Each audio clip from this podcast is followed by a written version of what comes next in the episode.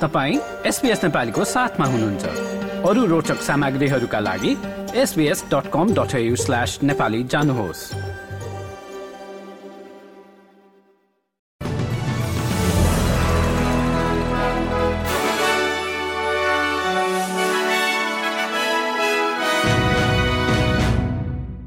नमस्कार। आज बिहिबार उन्तिस फेब्रुअरी सन् दुई हजार चौबिस।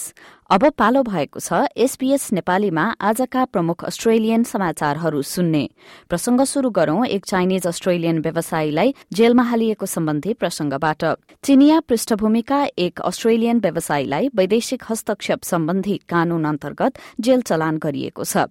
भिक्टोरियाका व्यापारी डी सान्ट वाङ घरेलु राजनीतिमा विदेशी हस्तक्षेपलाई प्रतिबन्ध लगाउने कानून अन्तर्गत दोषी पाइने पहिलो व्यक्ति बनेका छन्।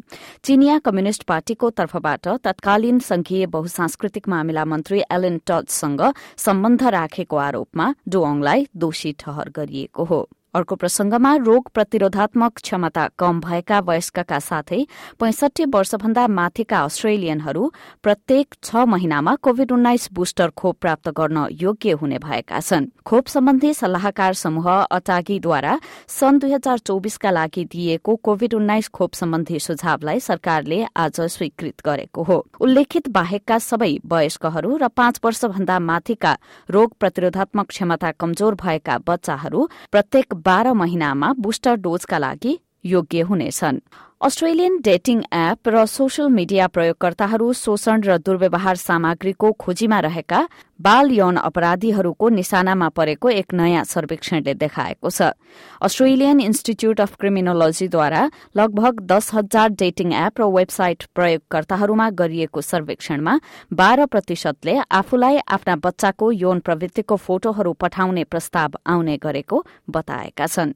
वैज्ञानिकहरूले गत वर्ष अस्ट्रेलियामा भएका चरम मौसमी घटनाहरूको झलक प्रस्तुत गरेका छन्। मानिसहरूलाई आगामी दिनमा आउन सक्ने जुनसुकै मौसमी जोखिमलाई सामना गर्न तयारी अवस्थामा बस्न यसले प्रेरित गर्ने बताइएको छ।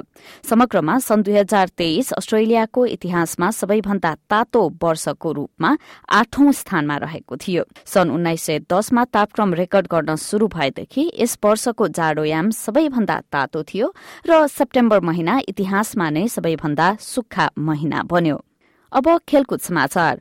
सन् दुई हजार सत्ताइसको विश्व एथलेटिक्स च्याम्पियनशीप आयोजना गर्न बेजिङ छनौट भएको छ। इटालियन एथलेटिक्स फेडरेशनलाई सरकारबाट उसको बोलीका लागि अन्तिम समर्थन प्राप्त नहुँदा प्रतिस्पर्धाबाट बाहिरिएपछि चीनलाई सो मौका मिलेको हो।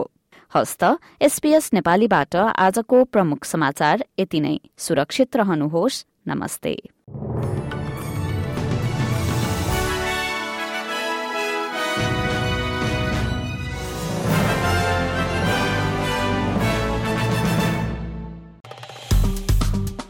लाइक र कमेन्ट गर्नुहोस्।